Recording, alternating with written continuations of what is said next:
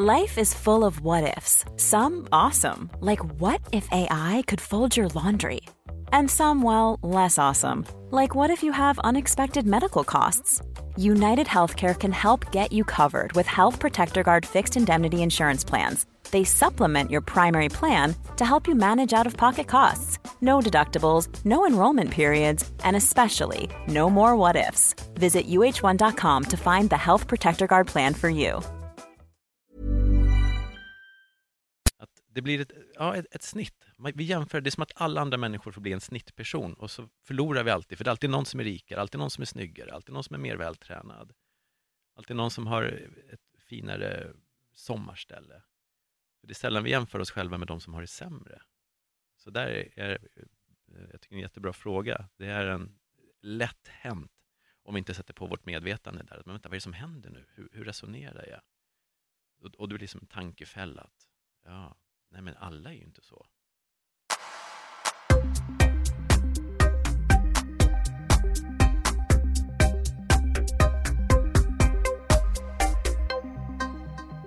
Daniel Cremonini, psykoterapeut. Välkommen till Varje podcast. Tack så mycket.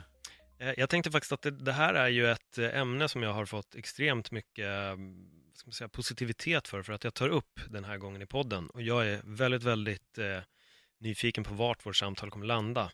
Men jag börjar med att du får faktiskt presentera dig själv lite och vad du gör. Eh, jag heter Daniel Cremonini, jag är psykoterapeut. Eh, inte psykolog, kan vara bra bara göra den definitionen. Eh, har jobbat ungefär åtta år heltid och är, eh, har en privat mottagning. Jag tar emot klienter med ja, alla typer av problematik. Jag arbetade mycket med ungdomar tidigare, under 17 år. Eh, och det var via det jobbet jag kom in på eh, psykologi kan man säga. Jag måste bara fråga, för, för det här är faktiskt egentligen lite oklart för mig också. Vad är skillnaden på en psykolog och en psykoterapeut? En psykolog går en grundutbildning som är fem år Eh, och de, de, den är väldigt bred. De lär sig göra utredningar och de, det ingår en steg 1-utbildning eh, som är det själva samtalsmetodiken. Eh, och sen för att när psykologer vill bli psykoterapeuter, de kan gå en specialistutbildning och specialisera sig eller bli psykoterapeuter. Nu finns det också blandutbildningar. Ehm, och de, många av de som, som, väljer att bli psykoterapeuter, de gör, går också här steg två som det kallas för, eh, så att det tar åtta år. Medan jag har gått en annan väg via beteendevetare och steg ett som ett och ett halvt år och där steg två som är tre år. Det tar också åtta år. Ehm, så vi har lite olika man säga, bakgrunder. Mm. Men för de flesta är det helt oväsentligt. Tar ni er an samma typ av patienter? När man kommer till, ehm, för att komma i samtal så är det ingen större skillnad. Jag har specialiserat mig på ehm, trauma och dissociation bland annat då kan det skilja sig, men det är många psykologer som gör det också. Eh, men det var som ungefär, det var en kille när jag jobbade på en institution eh, som ville ha samtal, hade han sagt kvällen innan. Eh, personalen hade sagt åt honom att det fanns någon han kunde prata med. Jag kommer in där på morgonen, han var måttligt gott humör och skitdryg, bara jag vill inte ha något samtal. Jaha, så jag, så eller jag vill inte träffa någon psykolog. Och då svarar jag upp lite halvdrygt, jag är inte psykolog, jag är psykoterapeut. Och han bara, samma skit.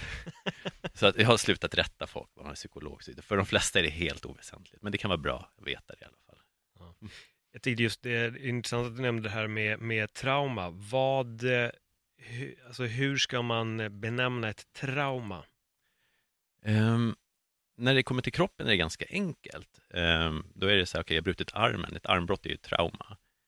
Ehm, när det kommer till psyket så kan det vara en komplex traumatisering, att vi har varit utsatta för en långvarig traumatisering eh, som barn, eventuellt eh, våld, sexuella övergrepp Ehm, eller att vi har levt i en miljö som är väldigt farlig. Då blir det en annan typ av trauma. Eller det här klassiska om man kanske varit utsatt för ett överfall, ett rån, en våldtäkt. Ehm, så det definitionen är egentligen hur man upplever om man får symptom som då kallas för PTSD, posttraumatiskt stressyndrom, som kommer efter cirka sex månader. Ehm, jag tänker faktiskt lite när du ändå nämner det här med, med barn och trauman, så tänker jag på det som pågår i USA just nu med, med invandringen där och barnen som, som separeras från sina föräldrar. Mm. För när jag ser de här bilderna, det första jag tänker på är att de, alla de här ungarna måste ju, alltså de har väl en framtid av grovt eh, PTSD. Eh, många kommer säkert få det. Den undersökningen, eller den forskning som finns, så eh, ungefär 20 procent av när man har varit med om någonting riktigt, riktigt jobbigt. 20 procent av de som är med om det ungefär eh, får olika typer av symptom. Och mycket av forskning som har gjorts är ju från krigsveteraner.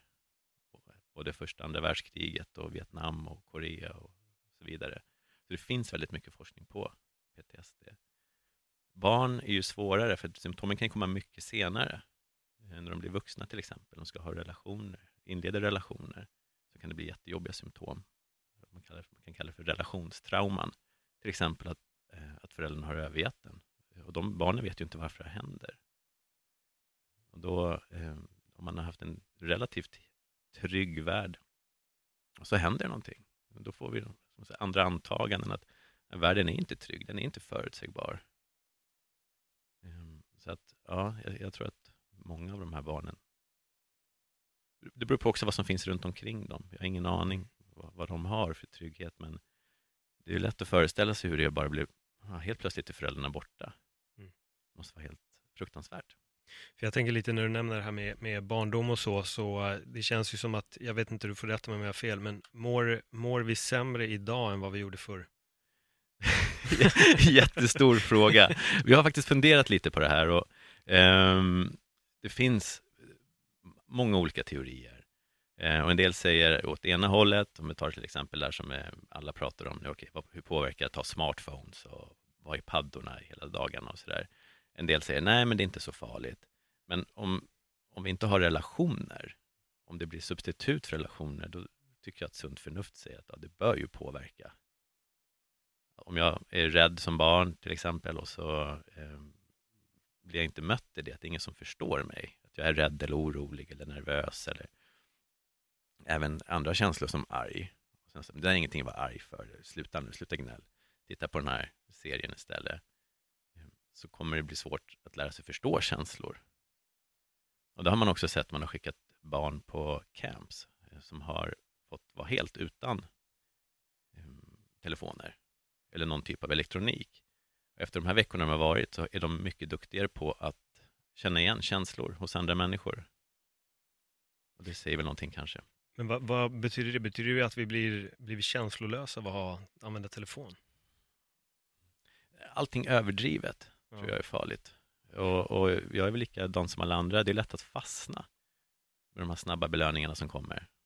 Eh, så det är så enkelt, det blir en enklare väg istället för att kanske gå om jag vet att jag behöver gå en promenad i november och det är två timmar ljus om dag så kanske jag vet någonstans att jag ska behöva ta en promenad för att få dagsljus. Och så ligger jag och tittar på någon tv-serie eller håller på med någonting. Då är det lätt att skippa det jag behöver göra som kanske är, egentligen är bäst för mig. För jag kan märka, för mig, jag, jag kan väldigt lätt fastna i Instagram. Scrolla, scrolla, scrolla, scrolla, scrolla mm. och det är väl då det här dopaminet, man söker efter någonting som aldrig riktigt finns, alltså det finns egentligen inte där. Man söker efter, jag vet inte om det är den perfekta bilden eller vad det är man letar efter. Ja. Men man är på jakt efter något och det känns som att man, det, det är så, alltså man bara fastnar. Mm. Jag, jag, kan märka att jag kan, jag kan, fastna, nu har jag faktiskt börjat också bearbeta bort att, okej okay, nu måste jag lägga ifrån mig telefonen och jag kan bli sån att jag lägger den på flight mode borta i en bokhylla och sen läser jag en bok eller gör något annat eller men bara för att komma ifrån den. Men jag, märker att, jag tycker jag märker det allmänt på folk att det är så lätt att fastna vid telefonen. Ja. Direkt. Och det som, som alltså vi som är lite äldre, eller jag som är lite äldre i alla fall, som minns hur det var innan mobiltelefonernas inträde. När man umgicks så umgicks man. Det var, man var fullt fokus. Nu, om jag kanske generaliserar, men man går in på ett café eller en restaurang så är det inte ovanligt att många sitter med telefonerna eh, påslagna och att man sitter och tittar. Och istället för att kanske vara i nuet så sitter man och instagrammar ja, maträtten eller vilka man är med och så vidare. Så det är definitivt en risk, tror jag de flesta håller med om. Jag tycker att många gånger känns det som att folk är noggrannare med att fota sina vänner som de är med så att de som de inte är med ska veta om. Men sen sitter ja. de ändå bara i telefonen och umgås med de som inte är där. Ja, jag såg eh, några reportage från eh, New York eh, där de hade speciella alltså maträtter på vissa restauranger som drog folk för att det blev väldigt Instagramvänligt. och även ställen, man vill, det är vissa ställen man ska till det var någon grekisk, jag tror det var Santorini också, så befolkningen var helt galna nu. Eh, att folk stod och, det var en asiatisk film som, som hade utspelat sig där, så det kom jättemycket asiatiska och alla ville ha sina förlovnings och som skulle ta, ta Instagram-bild just på vissa ställen. Det var ju måttligt roligt för de som bodde precis i den gränden eller vad det var då. Så att jo, men vi styrs nog mer och mer. Mm. Och det, det, när vi ändå är inne lite på telefonen så tänker jag också det här med att vi eh, vad ska man säga, blir kanske lurad av illusionen som alla andra håller på att lägga upp. Kan det leda till ett sämre mående? Att vi får de här kraven ifrån vad vi ser, om vi nu använder en generalisering då av Kim Kardashian och så vill man leva det livet och så försöker man uppnå det själv genom att lägga upp de bilderna. Hur mår vi egentligen av att gå in i den lilla fällan om man kan säga så? Jag märker på många av mina klienter ehm, och, och kanske på sig själv också om man inte är medveten att det blir en tankefälla. Vår hjärna är inte riktigt gjord för det här informationstrycket som är. Men att vi gör ett snitt på hur alla andra har det i vår hjärna. Ehm, och så gör vi en jämförelse och säger, men jag har ingenting bra. Det, blir, det, det är i alla fall min upplevelse, att vi jämför oss väldigt mycket och framförallt om vi har eh, en depression eller har ångest, som, saker som gör att vi inte fungerar så bra som vi kan göra, eller hög stress också om inte annat. Ehm, och då blir det, vad ska man säga, att det blir ett, ja, ett, ett, snitt. Vi jämför, det är som att alla andra människor får bli en snittperson och så förlorar vi alltid, för det är alltid någon som är rikare, alltid någon som är snyggare, alltid någon som är mer vältränad. Alltid någon som har ett finare sommarställe. Det är sällan vi jämför oss själva med de som har det sämre. Så där är, eh, jag tycker det är en jättebra fråga. Det är en lätt hänt om vi inte sätter på vårt medvetande där. Men vänta, vad är det som händer nu? Hur, hur resonerar jag? Och, och du blir liksom en tankefälla. Ja, nej men alla är ju inte så. Men mår vi verkligen bättre ifall vi uppnår den här fina semesterhuset? Alltså ger det oss verkligen ett, ett bättre välmående eller hittar vi bara en ny sak som vi inte har som vi vill ha? Jag kommer att tänka på den här eh, eh, boken av Dalai Lama.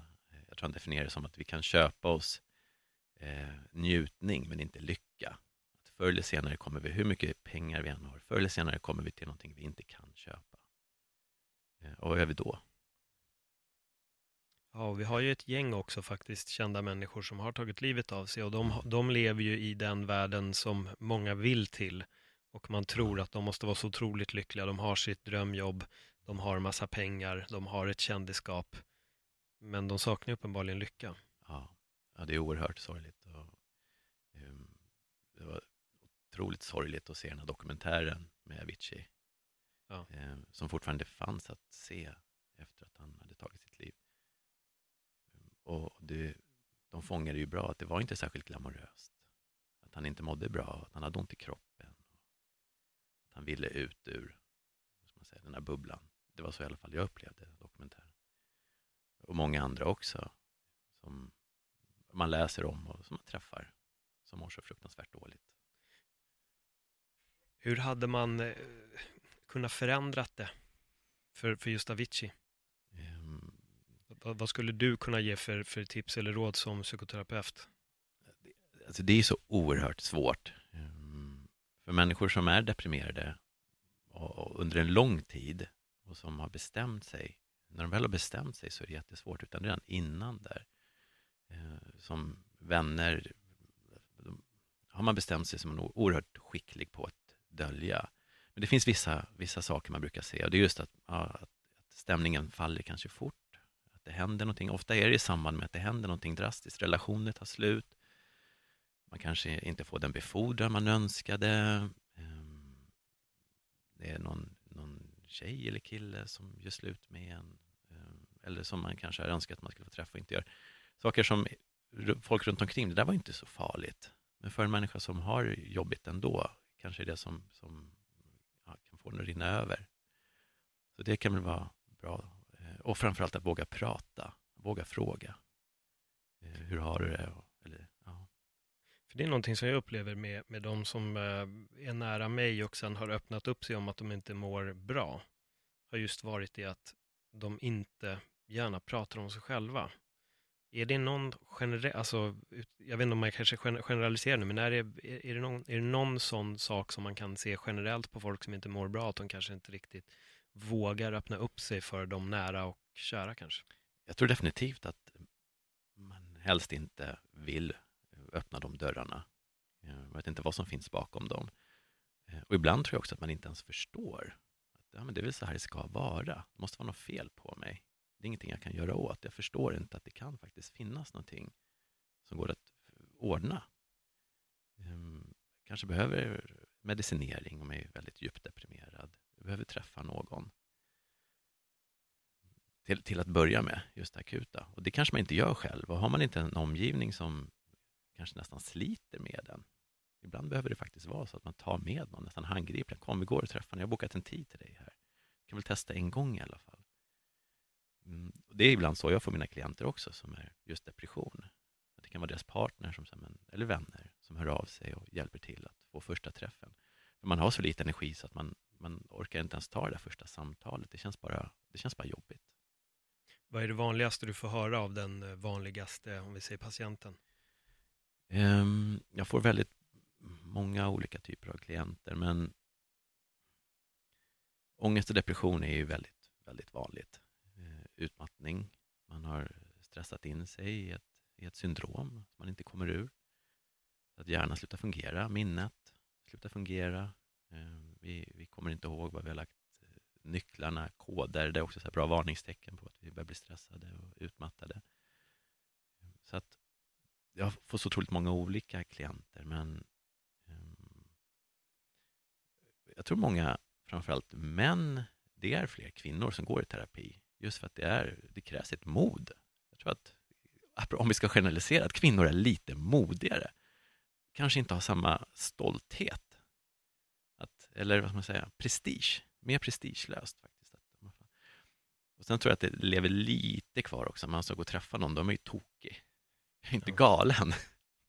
Nej, det är lite att man sätter stämpeln på sig själv ja. direkt. Att om, om jag går, då bekräftar man att det är någonting fel, så man går inte för att inte bekräfta problemet. Nej. Medan man har träffats några gånger, eh, en del som kommer, så brukar jag säga så här, men det här, ja, är det någonting mer än, det som du har berättat om? Nej, det här är som är det värsta. Okej, ja, men det här kan vi nog fixa. Tror du? Ja. Och när vi är klara så kommer du tänka, så här, har jag betalat för att fixa det här? Det var ju ingenting. Men nej, kanske inte är så jättestora justeringar som behöver göras ibland, men kan göra oerhörda resultat faktiskt. Ja. Jag hörde ju eh, din intervju med Jycken, Mm. Hur han beskrev hur han lärde sig hantera sina tankar och känslor. Han beskrev ett bra KBT-perspektiv där. Det var kanske inga jättejusteringar, men gjorde oerhörda förändringar för honom. Vilka så, har du några sådana små saker som man kanske kan applicera till sin vardag? Ifall man nu kanske är, är, man känner att någonting börjar förändras. Hur skulle man kunna ändra sitt tänk för att kanske mota Olle Grinn, om man säger så, ja, men liksom i tid, verkligen mm. i tid? En, en sak som dyker upp i mitt huvud som kan vara bra, det är att försöka se sig själv utifrån. Ehm, att nästan föreställa sig att man ser sig själv alltså, 100 meter bort, 50 meter bort och så titta på sig själv utifrån. Ehm, ungefär som man är utomlands, att det är nästan lättare att få ett perspektiv då. Försöka få ett perspektiv på om jag är på rätt väg. Är jag det jag vill vara? Hur ser människor... Man kan även fråga. Ehm, en uppgift som många av mina klienter kan få, att de får fråga tre av sina vänner eller anhöriga om några egenskaper som, an, som de anhöriga tycker om med den här personen. Och det är väldigt ofta egenskaper som de inte hade tänkt eller trott. där, det är ett, ett, bara klassiskt. Sen finns det jättemycket på nätet. Man kan göra såna här eh, depressionsskalor eh, checka ångest och sådär om man tror att man har. Men, men det är alltså, mår vi väldigt dåligt så det här motståndet blir ju ofta att vi, vi, vi skippar. Vi hamnar i ett undvikande. Eh, och då kan man också tänka så här, är jag en massa undvikande nu? Mm. Att se sig själv utifrån igen, men fan nu undviker jag det här igen. Eh, att jag, vi gör inte vissa saker som vi kanske situationstecken borde göra. Då kan man säga, ah, fan, varför är det obehagligt? utmana sig själv lite. Det som är lite obehagligt, okej, okay, men varför, varför undviker jag det här? för? Varför är vi så rädda för att eh, titta inåt? Ja, ibland är det inte så roligt. Ehm, och där tror jag eh, också helt egna, egna tankar. Att vi, vi lever i ett samhälle som premierar positiva känslor, kickar, upplevelser. Så när det blir obehagligt så har vi kanske fått lära oss att nej, men det är inte bra. Till exempel sorg. Eh, hur jobbigt det är för de flesta att prata om sorg. Ehm, och, och jag vet inte, vi nämnde till exempel, vi pratade lite innan här hur man ser på det inom andra traditioner, inom mm. Eh, det österländska. Ehm, att man ser kanske mer helheten. Att eh, höja blicken lite. Och kanske säga, ja men det här, jag behöver känna de här negativa känslorna för att faktiskt kunna uppskatta de positiva känslorna. För jag, jag minns, eh, nu backar bandet till när jag gick i högstadiet tror jag det är eller gymnasiet, då säger min kompis att han hade gjort slut med sin tjej och han var, var ledsen. Och då frågar han, jag bara, har du gråtit? Han bara, nej, nej, nej Paul, alltså, du, min, min pappa säger att man gråter inte om man är man. Nej. Och då säger jag bara, alltså, nu får du verkligen skita i vad din farsa har sagt. Jag bara, gråt, du kommer må mycket bättre, släpp ut det här liksom. Mm. Och så ringer han mig dagen efter, han bara, tja, eh, jag grät igår. Det var, det var skitskönt. Han bara, eh, tack för tipset. Jag bara, men jättebra, hej då. Och sen ringer han upp mig igen, han bara, eh, Paul, du borde verkligen bli terapeut, för du är liksom vår Dr. Phil. Alltså vi ringer alltid dig när det är problem. Och, och det var bara en sån simpel grej som att faktiskt våga gråta. Aha. Jag har aldrig riktigt haft problem med det. Jag, jag, för mig, skratt och gråt, de, det är liksom bara motsatsen av varandra. Om jag är ledsen, då, ja, då får det bara komma ut. Mm. Eh, och nu springer inte jag och gråter varannan minut lika mycket som jag skrattar, men, men jag, jag, jag är så medveten om det här med att packa in och packa in och packa in och mm. packa in och till slut sprängs den här bomben och det känns ja. som att väldigt många gör det där. De mm. bara bygger in de här känslorna. Ja. Eh, hur kan vi motarbeta det här? Eller vad, vilken insikt måste vi komma till för att sluta stänga in känslorna? Um, jag tycker det är jättekul med anknytningsteori. Eh, och där tittar vi väldigt mycket på hur vi lär oss tidigt som barn. Att, att det går egentligen åt två håll att ett barn lär sig ganska tidigt att nej, men i den här familjen, att gnälla och visa känslor, det blir inte belönat. Utan bättre att vara duktig, bra på prestationer och känslor trycker vi undan. Att, att faktiskt då redan, om man märker när man är äldre då, det är svårt att ändra sin barndom, men man märker att man är äldre, att, att man gör precis som att eh, som du säger, att jag trycker bara undan. Men så kommer ofta explosioner ibland, om man har de strategierna. Och det kan ju vara i korvkön om någon tränger sig eller jag vet inte, i trafiken ser man ganska många som får riktiga raseriutbrott. Och man märker att normalt sett är jag ganska lugn och blir aldrig arg. Eh, man hör sig själv säga, nej men jag blir aldrig arg, jag blir aldrig ledsen. Men så börjar man tänka efter och så, ah, fan, men ibland blir jag ju rasande. Det är väl ett bra tecken på kanske, okej, okay, men nu är det någonting som inte är i balans i mitt liv. Vad behöver jag göra? Hur kan jag få ut de här känslorna?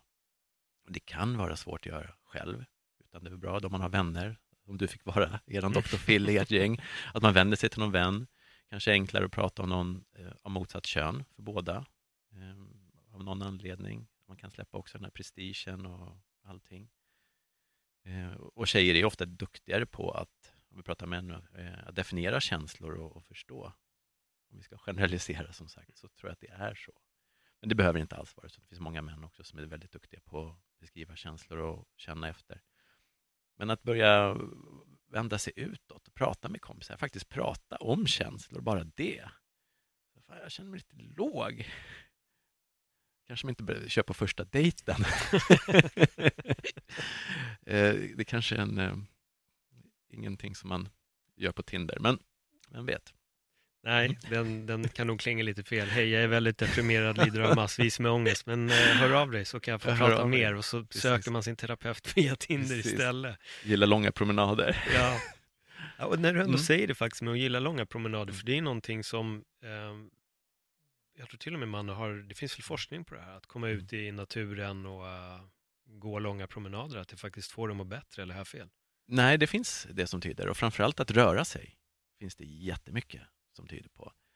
Eh, Anders Hanser skrev ju nyligen en bok eh, där han går igenom forskningen som finns och fysisk motion visar sig ha bättre effekt för, alltså man tittar på gruppnivå än både psykoterapi och eh, SSRI-preparat, antidepressiva. Vad är det som gör att det har bättre effekt? Vad är det som triggas i hjärnan? Och... Det är jättemånga saker. Bland annat så stärks våra celler även i hjärnan av fysisk aktivitet.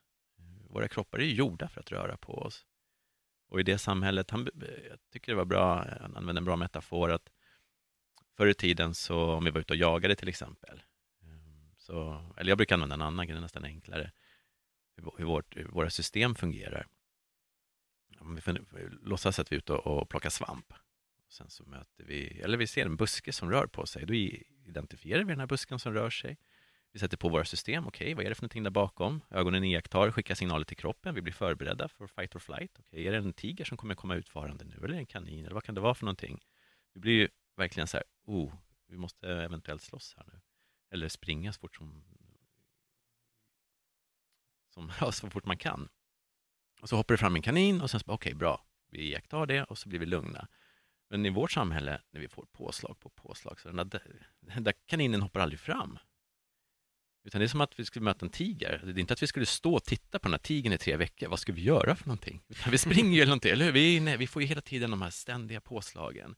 Och om vi inte får ut energin, om vi inte rör på oss, um, ja, då säger det sig självt att, att, att det blir negativa konsekvenser av det. I alla fall i min hjärna. För det sägs väl också att eh, precis det som det här affekta eller flyresponsen som vi får, det är någonting vi kan få i princip bara av att missa en tunnelbana, så kan den börja triggas i vår hjärna också. Har jag fel där? Nej, nej du har rätt. Och, och, det är också att det är beroende på lite hur vi har, alltså hur vår uppväxt har varit. Det kan vara så, har vi, varit, har vi levt i en relativt farlig miljö, och det kan vara en farlig miljö utifrån eh, anknytningsperspektiv, att jag behöver ha koll på min omgivning, eh, då har vi ett väldigt utvecklat hotsystem och då, blir vi, då hamnar vi lättare i det här hotsystemet. Så det kan vara kanske en blick bara, någon som kollar lite snett på oss och säger okej, okay, vad vill han för någonting, eller vad vill hon?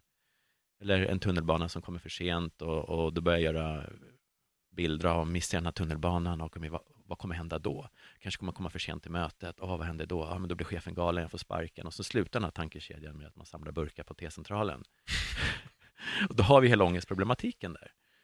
Och där har det visat sig att eh, självklart inte bara, men att när vi tränar, när vi rör på oss, att vi aktiverar alltså våra olika system, kommer in i oss själva. Det är jättemycket mer än så självklart, men, men en del är det i alla fall. Jag tycker det är väldigt intressant här hur du berättar hur man, man bygger upp en fantasi av extremt förutfattade meningar. Ja. Um, och det är någonting som jag kan känna igen i ja, folk runt omkring mig, att de gärna bygger en fantasi om vad som kommer hända.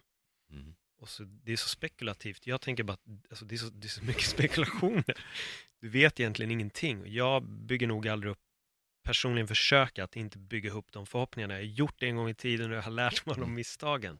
Men vad, vad, om, du, om det kommer någon som du märker sitter och bygger upp alla de här förutfattade meningarna, vad skulle du säga för att få dem att försöka sluta med det? Um, då blir det väldigt, eh, det finns jättebra modeller i, i den kognitiva eh, terapin, där, teoribildningen. Och social fobi är ungefär det här också. Att vi, har en, vi har en föreställning om att folk inte kommer tycka om oss, att om jag ska hålla ett tal, alltså scenskräck är väldigt vanligt, att vi ska hålla ett tal, att folk kommer bara lämna lokalen kanske. Eller att jag ska ha en fest och så tror jag att ja, men det här kommer gå åt pipan. Eh, folk kommer inte tycka om mig. Och så slutar det väl någonstans med, det, kanske, det är inte alltid uttalat, men det slutar med att man är ensam och har 27 katter, bor i en grotta eller någonting. Så att där börjar man just verklighetstesta de här tankarna egentligen på olika sätt. Hur gör man då? Det, man, vi, vi, kan göra det egentligen på tre olika sätt. Vi kan göra det att man sitter bara eh, och, och, och, diskuterar. Men, men, om det skulle vara så enkelt, då ska man bara egentligen sluta göra det här, så slutar man. Men så enkelt är det ju inte. Och Sen kan man få olika övningar, man får testa, man får exponera sig som det heter. Man utsätter sig för den här oron, ångesten. Då kanske man får börja med att testa på små, börja småprata med någon på jobbet som man ändå vet lite vem det är. Det är just nu social fobi vi pratar om. Sen kanske börja gå på fester och man eh, tittar lite. Ofta har vi olika säkerhetsbeteenden, att vi vill göra vissa saker för att det ska kännas tryggt. Och det kan vara till exempel att man väljer alltid samma plats i den här konferenslokalen för att det är närmast utgången. Man kanske vill trumma med en penna. Man vill alltid med sig ett glas vatten. Man kanske kommer sist för att det känns bra. Så man tittar på de olika säkerhetsbeteendena försöka utforska vilka det är, för när man tar bort dem så fungerar det mycket bättre. Och så också undersöker man undvikanden, för här är ju här är det människor som är duktiga på att undvika jobbiga saker. Ehm, det kanske var att man inte svarar på de här mejlen om fester. Ehm, eller man, så fort det ska vara en presentation till exempel så ser man till att ducka. Men det blir ju jätte, jättejobbigt. Det kanske blir svårt att avancera, man har ett jobb och, och, och de kräver chefen att man ibland ska hålla en, ja, en liten presentation för sina kollegor eller kunder. Så att, då är det mycket undvikanden och säkerhetsbeteenden. Och, så här. och sen jobbar vi också, vi kan jobba under hypnos också. Hur gör ni då? Det kan vara på att, väldigt kortfattat, att det blir ofta jobbiga känslor när det här händer. Då går vi in eh, under trans och så tittar vi på en situation och sen så kanske man hoppar tillbaka. Om, om det blir en bra, lyckad session så kan det vara ungefär samma känsla man har haft och det kanske dyker upp någon händelse som har påverkat en när man var liten. Det kan vara kanske att man har blivit skammad av en lärare eller kompisar i skolan eller på någon idrottsträning. Eller på min tid tror jag man fortfarande valde lag på gympan. Så den som blev vald sist, jag tror inte de blev så här elitidrottare. det kanske blev skammad, fick jättemycket jobbiga känslor och det kan vara de känslorna som sätter igång, de föreställningarna som sätter igång när man är vuxen. Och då kan vi göra olika ska man säga, det låter märkligt, inte att man programmerar om, men man får lära sig hantera känslorna i alla fall. Okej, okay, då var då, nu är nu. Så jag behöver inte ha den här känslan, tanken. Låter jätteenkelt, det är inte alltid så enkelt. Men ibland är det det. Jag får intrycket av att väldigt mycket ligger egentligen i, härstammar från vår barndom. Ja. Eller har jag, har jag fel? Nidbilden många har om KBT är ju att vi jobbar bara här och nu och framåt. Eh, men tredje vågen av KBT, till exempel schematerapi, eh, då tittar man ganska mycket på de känslomässiga sår vi har fått som barn och hur de påverkar oss idag. Sen finns det många andra terapiformer också. Den behavioristiska skolan, inlär, inlärningspsykologiska, de är mer här black box. Det man inte kan se beteendemässigt, är inte särskilt relevant. Det är bara spekulationer. Och där finns till exempel, jag tror ACT till exempel, acceptance and commitment therapy tillhör den behavioristiska skolan. Och då är det mer beteenden man tittar på, man försöker ändra beteenden. Också jätteeffektivt eh, om man, om man tycker om det. Alltså, det, det, finns ett klipp som jag har sett på eh, ja, någon, någon, någonstans. Då är det, det är en text, det, det går text och då är det två barn som har en alkoholiserad förälder och då blir den ene blir alkoholist och då säger den att jag blev det för att min pappa var alkoholist. Mm. Och så andra barnet blir inte det och då säger den jag blev inte alkoholist för jag såg min pappa mm. för han var alkoholist. Ja. Det är den här tolkningen om hur man väljer att tolka det. Ja. Um, är det någonting som man kan, liksom, är, det en, är det en korrekt bild av hur det kan se ut? på ett sätt kan man ju se det på det sättet. Man, det finns ett psykologiskt uttryck som heter locus of control. Det handlar om om man tror att man kan påverka sig själv och sin framtid och sin omvärld. Om man har en hög inre locus of control, eh, om man ska ta extrem, om jag går på gatan och så ser jag någon som sitter och tigger vid ett gatuhörn, då tänker jag då så här, han har helt sig själv att skylla. Han har tagit varenda felval som går, allt är hans eget fel. Om man en hög yttre, då tror man det är ingenting som är den här personens fel, utan det är bara olyckliga omständigheter, han hade säkert otur, hans fru har lämnat honom och så vidare. Så det är ju lite så man kan se det då så här, vänta, jag kan inte påverka det här, det spelar ingen roll, jag kommer bli precis som pappa. Eller tvärtom, nej, jag kan påverka det här själv. Jag gör vad jag vill, jag har makten. Jag, jag styr mitt eget liv. Varför är det så många som går runt med känslan av att inte ha makten? För det här är någonting som jag kan relatera till, alltså utanför problem om vi säger så. Jag kan ta ja. det bara till när jag körde stand-up till exempel. Mm. Så var det väldigt många som hade en, en bild av att jag kommer inte kunna uppnå den storheten, för jag sa en gång att jag kommer, jag bara Bettner sätter upp en föreställning per år, så jag vill göra samma sak. Ja, men det kan du inte göra. Jag bara, varför inte det? Bettner kan det. Ja, men vad fan, han är ju Bettner. Jo, men då är det ett bevis på att det går. ja. Medan väldigt många såg det som att, nej men det går inte. Det går inte, det är de här speciella människorna som gör det. Och det känns som att du kanske inte behöver bli bara alkoholist eller drogberoende nej. eller väldigt deprimerad, utan det, sprids ut på så otroligt många plan, den här känslan. Ja. Vad är det som gör att vi har den här, är det dålig självkänsla kanske, rätt sagt? Um, ja, det, den påverkar ju ofta. Samtidigt som jag kan vara försiktig med jag var på en, en jätteduktig föreläsare, han heter Scottie Miller och han sa en gång, han frågade publiken, han pratar mycket om relation i terapier och så han frågade, han bara, vi pratar om självkänsla som att det är någonting eh, som vi vet att det verkligen finns. Han bara, men är det någon här inne som har sett en självkänsla på en dissektion? Nej, precis. Men, men eh, jag kommer att tänka på, jag är från en, en förort här i Stockholm och i, de, i den skolan jag gick, eh, gymnasiet låg i Fittja, Fittja industriområde, och där var det alltså majoriteten av oss att plugga vidare, fanns inte på kartan. Alltså det var helt, vi diskuterade inte ens det. Ehm, det var så här, vi, vi skämtade om det här, vi gick, gick ut 92, lågkonjunktur, så vi skojade och sa ja, ut i arbetslösheten, bra. Och då plugga vidare, det fanns inte på kartan. Så att jag tror jättemycket eh, att, att någon i alla fall, man kan säga själv som någon som, som är, klart du kan göra det här, om någon hade sagt, om någon bett ner, klart att du kan. Om vi föreställer oss de här riktigt dryga amerikanerna alla Trump, mm. liksom, det finns inget nej.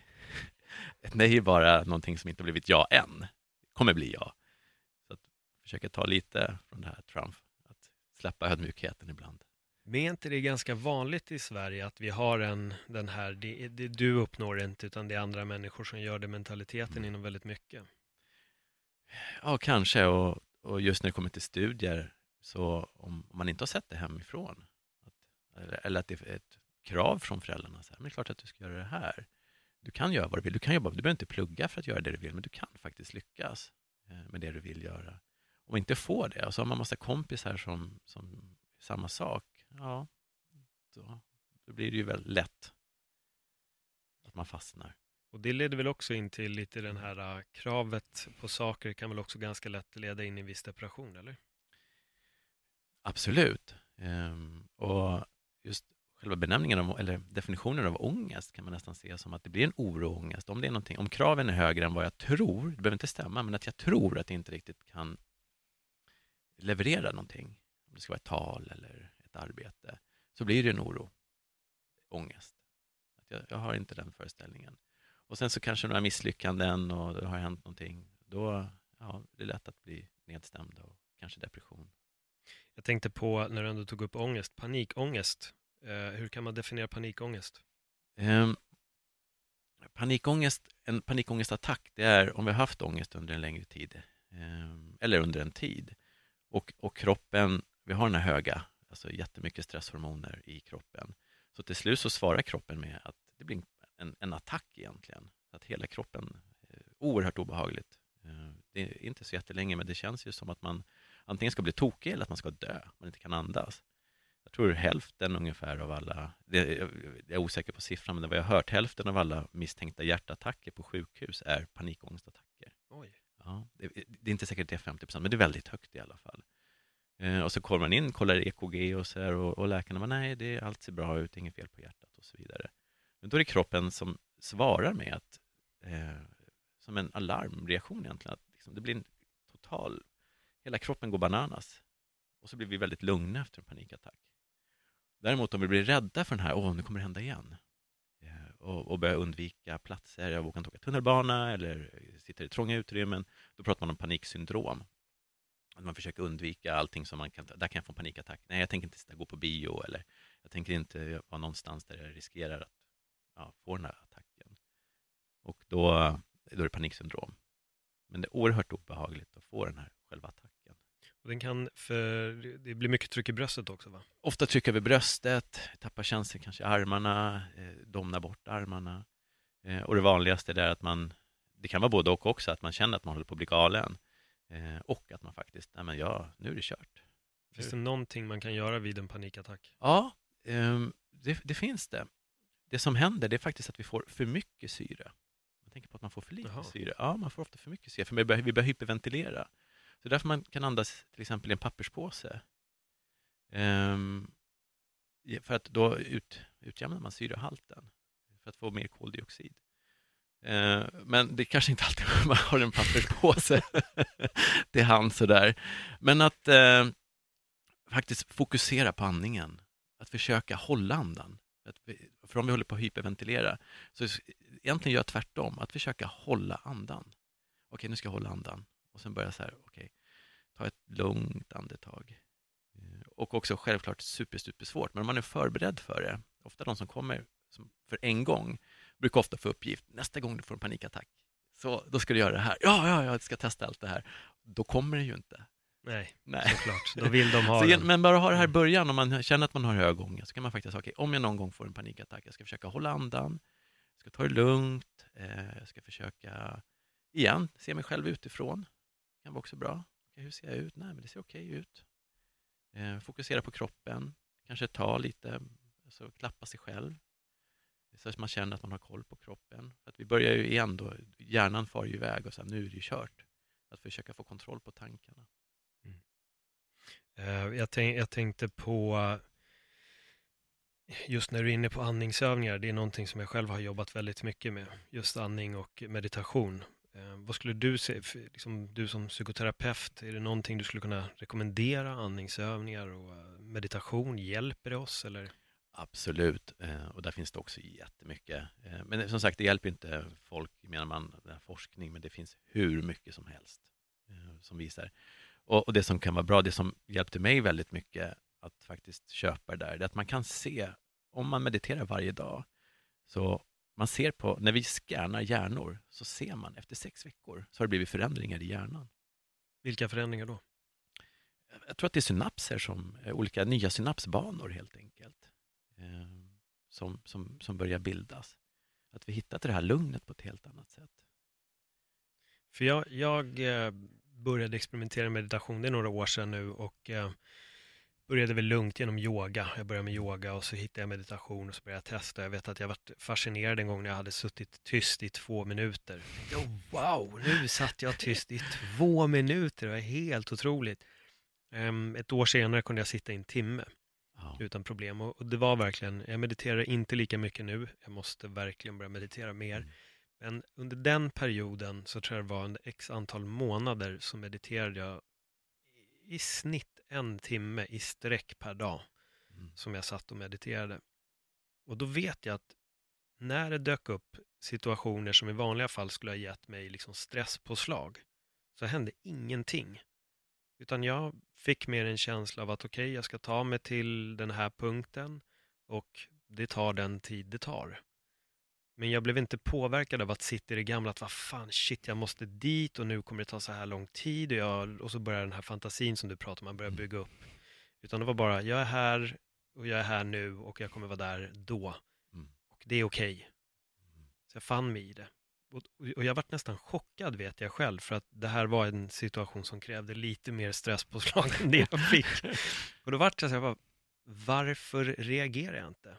Men innerst inne visste jag också att det händer ingenting om jag inte är där. Nej. Utan när jag kommer dit, då, då kan jag göra det jag behöver och ja, det är liksom egentligen inget, inget större problem. Men jag fick inget uh, där, vad heter det, fly eller fäkta och Nej. det var bara, jag var lugn. Jag åkte dit, jag kom dit och jag gjorde det jag skulle, jag hjälpte dem jag skulle hjälpa och det var liksom okej. Man ser också, när man ser dokumentärer nu om elitidrottsmän, så är det väldigt många som håller på. Alltså, de tränar inte bara kroppen, de tränar även sina psyken och det finns ju idrottspsykologi, idrottspsykologer nu som, jag tror alla världs, eh, alltså världsmästarlag och så här, har väl alltid en mental coach som man ser fotboll och så där. Eh, så att, jag tror yoga kom, som jag uppfattat det i alla fall, just för att kunna meditera för oss som är lite mer rastlösa, som har svårt att sitta still. Mm. Eh, att bli närvarande i våra kroppar under träning. Det kan man väl egentligen göra i all typ av träning. Man kanske inte behöver komplicera det så mycket, utan när man gör eh, olika typer av mindfulness-träning så, så kan man få uppgifter ibland. Så, okay, du ska vara närvarande nu när du till exempel ställer upp varje gång idag, eller varje gång du dricker, så iaktta vad som händer. Känn kylan av vatten och kanske smaken på det du äter. Eh, och när vi gör sådana övningar blir det tydligt hur onärvarande vi är, eller icke närvarande. Jag vet själv, alltså, tredje gången jag lyfter mig, ah, jäklar. nu, nu glömde jag vara närvarande. Eller, eh, till exempel då om man, om man tycker det är flamsigt och flummigt med yoga och meditation, att kanske försöka vara lite närvarande. Om man gymmar eller kampsportar, att alltså, typ när du knyter handskarna, var närvarande. Okej, hur känns det här i händerna? Eh, Hur känns det i knogarna? Att verkligen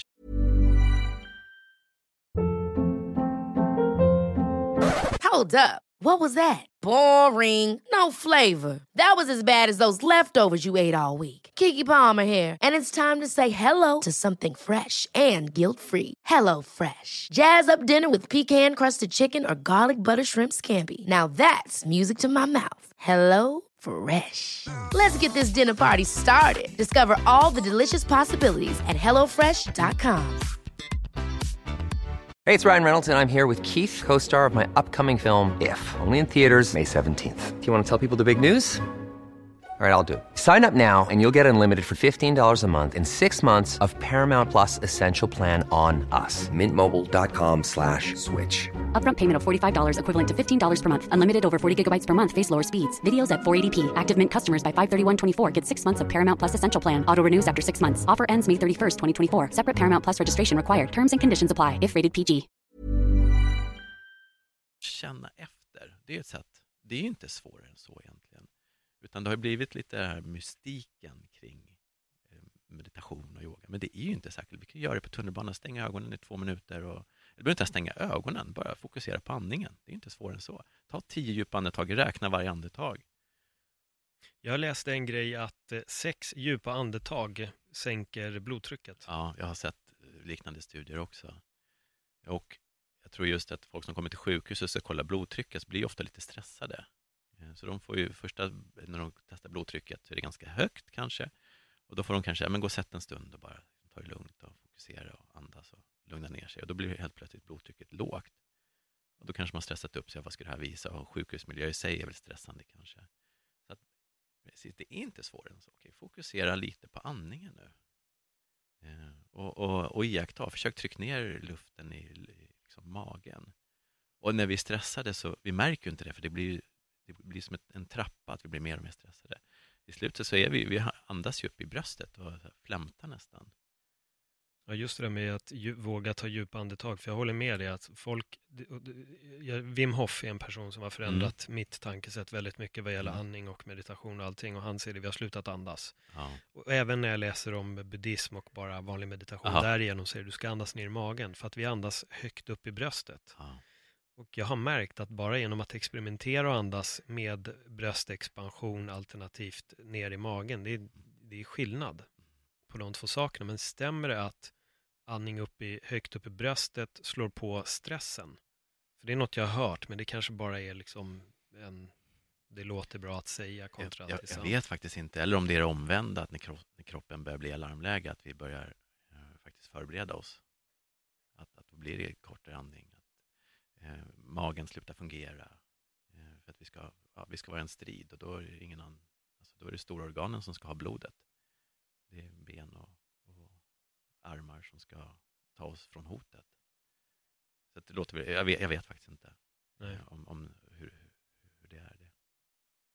Eh, jag har faktiskt fått lite frågor, så jag tänkte ehm, börja med, med en fråga. Och Det här är från en eh, kille som har tränat lite olika sporter och han pratar om ångest efter prestation är någonting som han har känt av och när han börjar prata med sina vänner inom eh, triathlon så är det fler som har nämnt att de också har känt ångest efter att de har presterat. Känner du till det här? Att de inte har presterat tillräckligt bra? Eller? Nej, bara lite ångest efter prestationen. Jag vet inte om den, han, han var inte så specifik om det hade just Nej. med dåligt eller bra. Nej. Det jag blir nyfiken på, eh, och skulle vilja fråga det är om det är just ångest han känner eller om det är någon annan känsla, typ skam. Mm. Eh, om, det är någon, om, det är någon, om det är någon obehaglig känsla så klustrar vi lätt att kalla allting för ångest.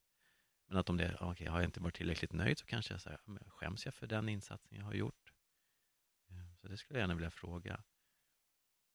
Men, ja. För, för jag, jag kan tillägga att när jag eh, körde stand-up efter att jag hade uppträtt och haft väldigt bra gig för mig så kom jag hem och då, jag fick inte ångest, men jag kunde få en nästan lite tomhetskänsla på kvällen efter det här uppträdandet och alla skratt mm. och alla applåder. Så kunde jag känna alltså, bara tomhet. Jag kunde känna mig ja. väldigt ensam.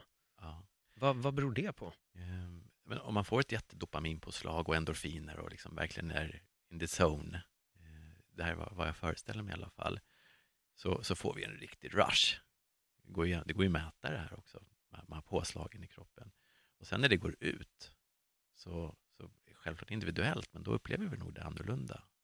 Att, att man känner nästan att du kanske har varit väldigt närvarande. Jag förmodar att du har varit otroligt närvarande med publiken då. Ja, det är en extrem här och nu-känsla. Ja. Och, och, i min värld då, så kommer man hem, jaha, då sitter jag här i köket. det här var ju kul. det, det, är väl en förut. Man har sett också man har sett på stora artister som är inför fulla så här, Wembley, 30 000 personer eller hur många de nu tar in. Och sen den otroliga kicken. Och så kommer det ut och så bara, ja, det var jag föreställde mig i alla fall. Det blir väl som ett rus då, det är väl som ja. en drog eller en fylla, att man går upp och sen kommer man ner och det kanske är nedgången ja. som gör att man... Och de här triathlonatleterna, de tar väl ut sina kroppar något fruktansvärt. Mm. Ehm, så det är lätt att föreställa sig också att det, eh, efter att ha tagit ut sin kropp så där, att kroppen svarar med ta det lugnt nu, gör ingenting mer, du behöver vila. Inte upp, simma inte ännu mer nu. Det kanske också. Att ja. kroppen är ju faktiskt, den talar ju ofta om vad vi behöver när vi börjar lyssna på den. Mm. Han kan väl kanske titta på det och eh, om man låter otroligt flummigt att fråga sin kropp, men att börja, börja känna efter. Eh, okay, vad, är, vad, är det, vad är det kroppen talar om för mig nu? Förstår vad jag menar med det? Ja, absolut. Nej, nej men absolut, det, det gör jag definitivt. Kanske att mm. han skulle behöva meditera och känna efter vad, vad är det jag känner. Ja. Våga iaktta känslorna från, ja. från sin kropp. Och kanske redan också under loppet eller när han tränar, okay, vad är det som händer under tiden? Ehm, ja, kanske ett väldigt generaliserande svar. Mm. Hoppas att det går bra. Ja, det är i alla fall ett svar. Ja. Eh, jag har en till fråga här. Det är en kille som eh, levde ett tidigare stökigt liv med alkohol, droger och en del våld och han känner idag att han kan ha ångest till och från. Ja. Eh, och hans fråga är lite då, vad, vad kan han göra liksom på, e på egen hand? Får han ångest över det han har gjort? Vet du det? Jag tolkar det som det, att det är väl ångest. Ja, precis. Ehm, jag har faktiskt relativt många klienter med den bakgrunden som han har. Som, som har varit med. Man kan faktiskt, ehm, det är inte många som känner till det, men att, att utöva alltså ett, ett brott eller ett våldsbrott, man kan bli traumatiserad själv också. Mm. Så 10 procent ungefär, eh, man har gjort en uppskattning på de som har utsatt folk för, för grova våldsbrott, själva blir traumatiserade och kan då bli triggade i olika situationer av, av någonting som påminner om det som har hänt tidigare. Det kan ju vara, okej okay, vad kan trigga? Det kan vara en färg, det kan vara en lukt. Igen, det kan vara någon som känner igen som någon av dem om man har, som man haft kanske en, eh, en beef med eller någonting. Um, men uh, jag, jag, tror för, för många är det bra att, att prata med kanske liknande, det finns organisationer, uh, vet jag, typ det med KRIS och så vidare, där det finns folk som um, har lämnat ska man säga, våld och kriminalitet bakom sig. Där det finns grupper. Det kan vara någonting sånt. Säkert vänner. Och igen, som vi var inne på tidigare, faktiskt att få prata med, med de man har nära sig och sätta ord på det. Men om man har gjort saker som man kanske inte vill berätta för sin partner om eller nära, då kanske folk inte känner till det han har gjort. Eh, och, och, eller varit utsatt för själv. Många av dem jag eh, har träffat har ju ofta under missbruk varit med om hemska saker som har riktats mot dem. Alltså under, om man har varit inne i ett djupt missbruk. Då får man ju vara med om saker som ja, man inte ser på TV. Jag tänkte när vi ändå öppnar lite den dörren med missbruk eh, så, så har ju mer jag har läst och desto mer jag har hört och läst kort och gott egentligen så upplever jag att det inte är nödvändigtvis drogen eller alkoholen som gör folk till beroende utan det, är oftast, det ligger oftast ganska djupa trauman i bakgrunden och det är något som jag har hört, eh, jag vet inte om du känner mm. till Gabor Mate? Nej. Från Kanada, han har jobbat i Vancouver med de värsta liksom, eh, heroinisterna och sånt där. Och han säger det att den, den största majoriteten har alltså extrema mm. trauman i, i ryggen och det är därför de har börjat med, med droger. Att det inte det är inte drogen i sig som har gjort dem beroende utan det är trauman som gör att de söker, söker tystnaden ifrån de jobbiga rösterna som de har i huvudet. Ja. Eh, jag jobbade på en institution många år och sista åren var jag på en, en enhet som målgruppen killar med ja, grovt missbruk och kanske gått på tunga droger eh, en del redan sedan 11-12 års åldern. Ehm, och det är väl klart att om, om mamman sätter jungfrusilen heroin när man är 11 år, då är det, alltså bara det är ju trauma. Men jag har inte träffat någon där under mina alla år som inte är traumatiserad. Det var så jag kom in på det här traumaspåret från början. Däremot det som är, kan jag tycka kanske bekymmersamt nu, det är att det är, det kanske alla säger, det är så mycket droger, alla generationer, men jag får väldigt många klienter som, som ska man säga, experimenterar med tunga droger. Och man vet ju inte innan vem som faller igenom. Och det går ju väldigt fort. Ehm, och har man då, antingen om man har varit med om saker tidigare så är man ju mer skör, men det kan ju faktiskt också hända någonting under tiden. Att, att, att det händer någonting i livet. Och om den bästa copingmetoden man har då är att använda droger, det är klart det är den man tar till.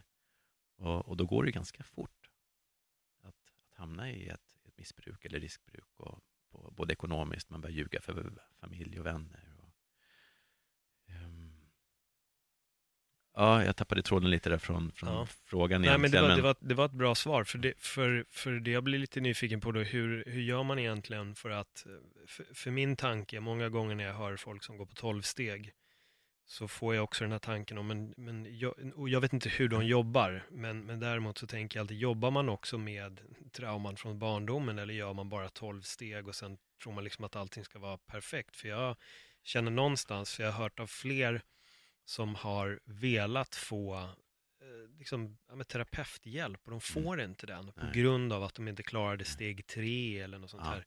Vilket jag tycker känns jättekonstigt. Och, och, det är så taskigt just med missbruk för att det blir, man kallar det för dubbeldiagnos, att när man går till missbruksenheter så bara, nej men du är för kanske illa däran psykiskt sett, och när man går till psykiatriska enheter så bara, nej du måste sluta med ditt missbruk för att få hjälp på de psykiatriska enheterna.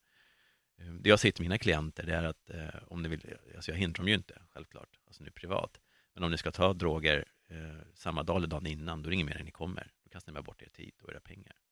Så att håll er borta i alla fall dagen innan och samma dag, för att, om det här ska fungera. Så att det är, ja, det är, det är otroligt utbrett. Det är inget snack om det, eh, hur det är. Och framförallt bland ungdomar där man vet, det finns samma sak här, forskningen, en del säger si, en del säger så. Jag menar, hälften av USAs stater har vi redan fått legalisering nu, till exempel på THC, mm. och, och, eller är på väg att faktiskt legalisera. Så de har ju andra åsikter än vad vi har kanske i, i Sverige. Men det man vet i alla fall, alla är överens om att som ung tonåring så är eh, droger, alltså innan hjärnan är färdigutvecklad så är det ju ingen höjdare, det, det, det är ju direkt skadligt. När, när är hjärnan färdigutvecklad? Runt 25 jag har hört ännu senare siffror nu, men jag tror de flesta är överens om att runt 25, fram till 25 så utvecklas den. Finns, vet man vilka droger som påverkar hjärnan mest negativt? Eh, nej, men jag har sett till exempel så bilder på, de gör ju fortfarande en del experiment på djur eh, och det går inte direkt att översätta, men jag såg någon bild på eh, metamfetamin som är väldigt lik eh, MDMA, alltså molekylmässigt. Och de gav apor eh, alltså människoapor som eller påminner väldigt mycket om oss. Då såg man att deras motsvarande, där, om det var serotoninsystem, alltså slogs ut. Vilket betyder att tar man väldigt, väldigt mycket eh, MDMA och så vidare så kan man faktiskt få problem med sina, alltså det som gör oss, att vi inte blir olyckliga. Man är tvungen att äta serotoninåterhämmare för att, för att stå ut. Man blir så fruktansvärt deprimerad. Och sen går det inte direkt att översätta från apor till människor, men där ser man att eh, den delen man har också sett, det finns experiment på möss. Det är så här, experiment brukar vara på så här, möss och amerikanska college-studenter, så vit medelklass. Så att man, kan, man, får, man får vara försiktig med allting. Men när man ser i alla fall på, på mössen, det är där, de som blir utsatta för THC när de är så små möss, de tappar lokalsinne och sånt. Det finns en del experiment på Youtube som är ganska roliga. Det är jättetaskigt. De simmar omkring och de tappar sitt system, sin GPS kan man säga, mm. om, om de får för mycket THC. Eh, men, men eh, jag vet inte vilken som är farligast egentligen, utan jag tror det du var inne på, alltså det är hela sårbarhetsmodellen. Alltså man har mycket, många gamla trauman kanske, man har en, eh, ett umgänge som, som ställer till det för en, med mycket kriminalitet och så vidare, så det är självklart enklare att eller det är lättare att förstå varför, varför det ger så mycket negativa effekter. Och framför allt om man tar kanske bensodiazepiner och opiater för att man inte vill känna. Vill det, stänga av. Ja. För det känns som en väldigt vanlig sak tycker jag, att det är ju de söker sig just till de sakerna som stänger ner mm. eh, ditt medvetande mer än ja. kanske öppnar upp det just för att man inte vill konfrontera smärtan. Nej, och det blir så fruktansvärt avtändning när framförallt då, om man blir inlåst och inte kan få sina droger. Ehm, den, den, det är obeskrivligt. Och, och när man träffar de killarna som, som mår så fruktansvärt dåligt. Ehm, och som sagt, är, är man ute på gatan så kan man ju faktiskt alltid få tag på någonting, gå till en läkare och kanske få något antidepressivt eller mot ångest och sådär. Men ehm, ja, det, alltså, det är inte svartvitt. Nej. Jag måste göra lite tvära mm. kast här. Jag, jag, jag, är väldigt nyfiken på det självskadebeteende. Det mm. känns som att det är väldigt många som skär sig i dagsläget. Ja. Var kommer, den, var kommer det ifrån? Varför gör man det? Vet vi det? Nej, eh, alltså det är inte mitt specialistområde, men de jag har träffat som, som på olika sätt eh, skär sig, man kan, alltså det finns ju många olika typer av självskadebeteende. Eh, att ta betalt för sex kan ju också vara ett sätt att skada sig själv. Om jag känner mig helt äcklig och värdelös, varit utsatt för olika saker, så okej, okay, om jag fortsätter där, jag, jag tar betalt för sex. Jag kanske är 13 år gammal och tar betalt av eh, medelålders män. Snacka om självskadebeteende. Eh, men det har märkt av många att om man är väldigt, väldigt avstängd, nästan att vi tappar kontakten med oss själva, alltså vi får alltså någon typ av dissociation, Um, då eh, till slut blir det så jobbigt, vi står inte ut med oss själva. Så ett sätt då att om vi börjar till exempel skada oss genom att skära oss eller på olika sätt, då får vi, vi får ett dopaminpåslag, eller om det är endorfiner, jag vet inte vilken typ av hormoner som, det blir ett påslag i alla fall i kroppen. Eh, och vi kan få tillbaka den här, wow, okej, okay, jag känner mig själv i alla fall nu. Nu vet jag vad jag är, vem jag är. Och det är inte att man, det är inte uttalade ord. Svälta sig själv kan man väl också i många fall se som någon typ av alltså självskadebeteende. Så det är helt enkelt ett sätt för att på något sätt känna att man lever, det är därför man gör det? Jag tror att, det, jag tror att man skulle få lika många svar som, som individer, men många av dem jag har träffat i alla fall, när vi börjar titta på tillbaka, vad är det som händer här situationerna? Det är som att många är, att de tappar kontakten, de hamnar i någon typ av trans nästan, när de hamnar i, eh, även bulimiker, när man bara liksom tokkäkar, så är det att de inte riktigt är i kontakt med sig själva under den, alltså när de gör de, de attacken, om man ska kalla det för. Mm. Och, och, nu kan jag bara tala för de klienter jag har träffat och jag är inte expert inom det här området. Men, men ofta har jag sett att de, eh, det blir en lindring, de mår bättre efter att de har skurit sig en kort stund. Mm. Och sen inom psykiatrin också så blir det ett sätt att få uppmärksamhet. Du får ju extra vård, extra uppmärksamhet kan det ju vara också när du har skadat dig ganska allvarligt. Så får du kanske extra vak och så vidare. Och då blir själva beteendet blir belönat. Självklart inte för alla, men ibland kan det också vara så, okay, vad, vad vinner jag på att göra det här beteendet? Fan du, nu kommer jag hoppa till en, ett ja. helt annat ämne. Ja. Det är lite för att vi är inne på det och det känner du, det gör du säkert, Münchhausen by proxy. Ja. När, man ska, när mammor, det är nog vanligast att mammor gör va? De skadar mm. medvetet sina barn. Och i vissa fall har det till och med lett till att barnen har faktiskt dött. Vad beror det där på? Vad är det egentligen för det är ju det uddaste av vad jag har hört i alla fall. Jag ja. fick en chock när jag började läsa på om Münchhausen by proxy. Ja. Och jag tror att då har du förmodligen bättre kunskaper än mig om det. Jag, ja. jag känner till syndromet eh, och jag vet inte hur ofta det förekommer i psykiatrin. Eh, men men eh, det är ändå bra att känna till det. Eh, framförallt kanske man jobbar med barn och sådär. Eh, att känna till att om det är ett barn som ofta blir skadat eller alltså ganska allvarligt kan de göra kan vara... Jo, för jag, jag, kan, den, jag såg en dokumentär som heter Mommy Dead and Dearest. Mm. Och det här var alltså en mamma som hon hade ju lyckats lura läkarna att dottern hade cancer och att hon var, vad heter det, eh, underutvecklad psykiskt och var väl som en treåring i sinnet. Och hade väl ryckt hennes tänder, hade gjort massa operationer på henne. Barnet hade fått operation på operation, operation, gick med kryckor och allting medan hon var egentligen kristallklar i huvudet.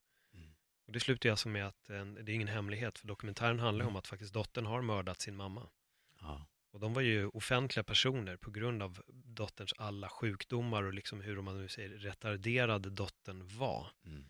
Men det visar att mamman var ju helt psykbryt och verkligen ja. misshandlade sin dotter in i det oändliga med alla de här sakerna. Ja. Jag har till och med hört om dödsfall ja. där barnen har, det har gått så långt att barnen har faktiskt dött. Mm. Och, och, det där är verkligen ett extremfall, men det finns ju även mindre extrema fall att föräldrar eh, som av olika anledningar mår dåligt, att det går ut över barnen. Och det kan vara, som sagt, som jag var inne på i början här, det kan vara våld, eh, men det kan också vara mer subtilt om man kanske lever med en förälder som är väldigt deprimerad. det finns ett eh, jättebra klipp på, eh, det finns på Youtube, det heter Stillface Experiment. Eh, och han visar ehm, forskaren där hur, vad som händer om en mamma inte gör några tecken med sitt ansikte. Vad som händer med ett barn, ett litet barn. Det är, eh, barnet får panik ganska fort och börja skrika för att försöka få uppmärksamhet, men förrän efter en stund bara ge upp.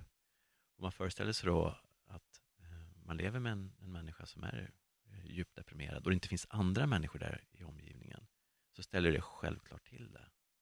Och det är kanske mindre vanligt för att jag menar, det är ändå är det 5 av befolkningen som är deprimerade, så det finns ju många deprimerade människor som vill väl och som, som ingenting mer förmodligen älskar sina barn och gör allt för dem.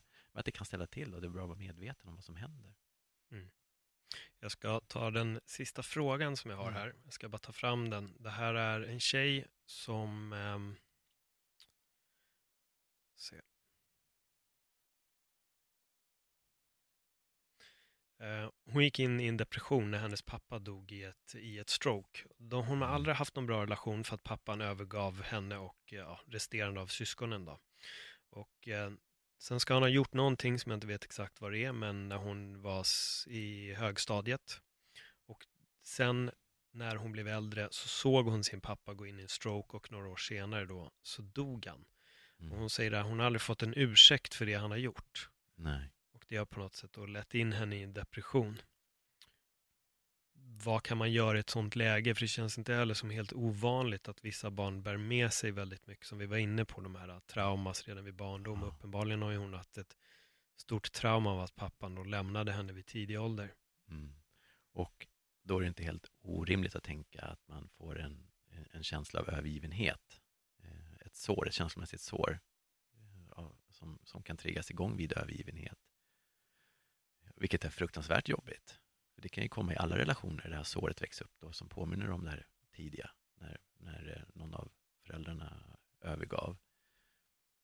Och jag skulle verkligen, om hon inte har fått hjälp så skulle jag verkligen rekommendera henne. För då är det både kanske obearbetad sorg som ställer till det och sen kanske också massa ilska.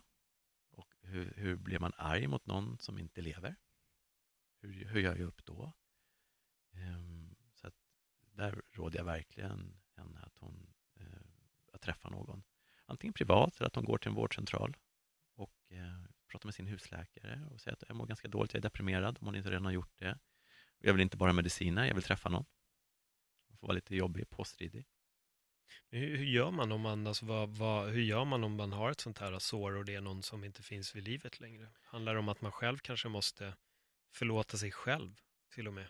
Um, om, om man ska prata som eh, ur ett schematerapeutiskt perspektiv så försöker man gå in att, att läka de här såren på olika sätt eh, genom olika interventioner som vi gör.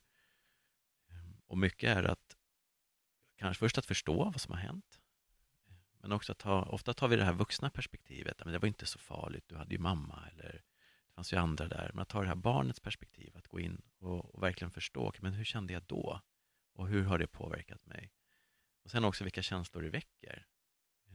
För att det är lätt att, eh, att föreställa sig att det finns så många olika känslor. Att både att man tyckte synd om honom, att han hade sina goda sidor och han hade sidorna som inte var lika goda. Och, och det behöver inte alls gå ut på att man ska förlåta på något sätt. Ibland kan jag tycka att det är... Eh, man, man kan inte förlåta allting. Vissa saker behöver man inte förlåta heller. Från min. Och då kanske andra säger, ja men för att kunna gå vidare måste man förlåta. Men om någon har gjort någonting så inte som just det här fallet, men alltså någonting väldigt, väldigt fruktansvärt om en förälder har, jag vet inte, våldtagit sitt barn i fem år. Då är inte jag den åsikten, att du måste förlåta. Nej, utan kanske eh, mer på något, ja, acceptera att det har hänt. Men också att ge utlopp för alla de otroligt starka känslor. Som, om de inte kommer ut, så ja, vad blir det för känslor då? Blir det depression? Blir det ångest? Utan det kanske finns en massa ilska lagrat som behöver komma ut. Och, och, det är det vi gör i, i, terapin, då, att undersöka det och på olika sätt försöka förmå klienten att, eh, att möta de här fruktansvärt. Och när det kommer till sorg och, och övergivenhet, så det är ju jätte, jättejobbigt. Självklart. Om vi skulle, eller om du rättare sagt, skulle ge några liksom tips, om vi säger några, inom situationstecken då, enkla lösningar Mm. ifall man börjar känna jobbiga känslor. Vad skulle man kunna göra på helt egen hand nu menar jag bara om man börjar känna av någonting?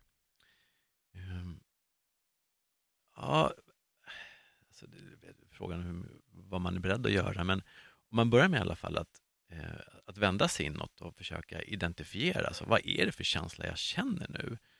Eh, och, och då kanske början är att, okej, vilka känslor finns det? Börja ta reda på det. Och allt finns ju på Google idag, det är bara att googla eh, affekter, grundaffekter. Eh, och sen så kanske börja faktiskt skriva, okej, när känner jag mig, eller när känner jag mig riktigt glad senast? Vad är det som gör mig glad? Ofta när vi, när vi blir deprimerade så isolerar vi oss. Vi drar oss undan människor. Och det som gjorde oss glada tidigare gör vi inte längre. Om jag tyckte att det var kul att träna eller träffa kompisar eller gå på bio, och så har jag slutat att göra det, vilket gör att jag blir ännu mer ledsen. Så att börja stolpa upp lite, okej, men vad är det som gör mig glad? Och jag känner så här, ingenting. Ja, nej, det är ett bra tecken på att, okej, kanske jag har en depression, jag kanske faktiskt behöver hjälp med att ta mig ur det här. Men om jag inte hamnat så djupt utan att det är nedstämd och kanske titta också, okej hur mycket stress har jag på mig? Var i livet? Eh, är det stress? Är det både jobb, är det hemma, är det vänner? Alla områden stressar mig jättemycket. Okej, är det något område där jag känner så här, men här behöver jag inte stressa? Det är nästa.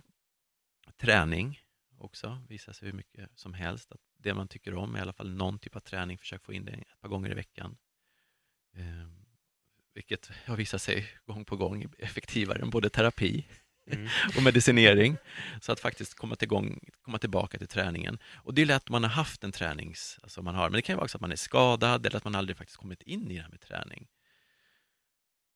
Nu är det ju ljust och jätteskönt ute, men i november, det är två timmar sol om dagen som bäst, att faktiskt då eh, kanske säga, men har jag för låga D-vitaminhalter, äter jag vitaminer? Det har visat sig väldigt många som kommer in och de kollar läkarna vitaminhalten så har de jättebrist på D-vitamin för att det är ljusbrist. Så att kanske vara, okej, okay, jag för, behöver jag köpa vitaminer? Ofta är det sådana här basic, jätte, alltså situationstecken, enkla lösningar som, som kan göra supervändningar. För det, för det kommer ju ofta smygande, det är det som är så taskigt. Det kommer ju inte på en dag, så bara, wow, deprimerad, utan det kommer lite smygande. Sen en dag så vaknar man upp och så, fan vad livet är tråkigt. och, och, och det händer väl oss alla från och till. Absolut, Mm. det gör det. Ehm, och, och det är då vi behöver kanske hitta tillbaka. Men vad gjorde mig glad förut? Och titta tillbaka så långt som det behövs. Men det där var ju skitkul. Eller jag har inte pratat med den personen på jättelänge. Så här, oh, nej, men vi bråkade lite sist. Nej, men skit i det, nu ringer jag och testar och nu tar en promenad eller någonting. Utmana sig själv lite och skippa alla undvikanden. Så fort man känner sig själv, eller man märker att det där undviker jag.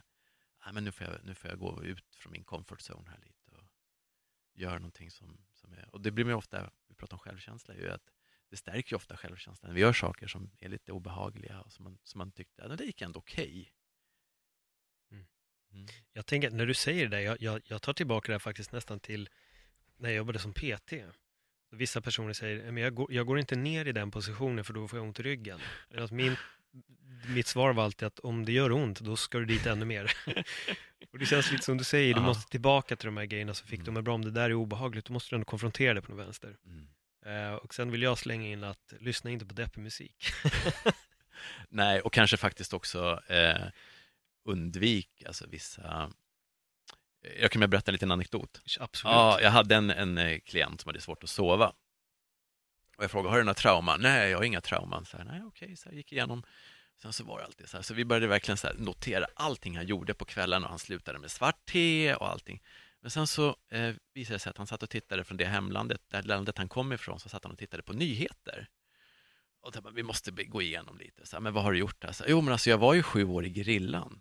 Jag blev skjuten två gånger. Oj. Men det var inget trauma för honom tyckte han. Jag bara, nej okej, men vad händer när du ser det? Ja, men då tänker jag ju på det.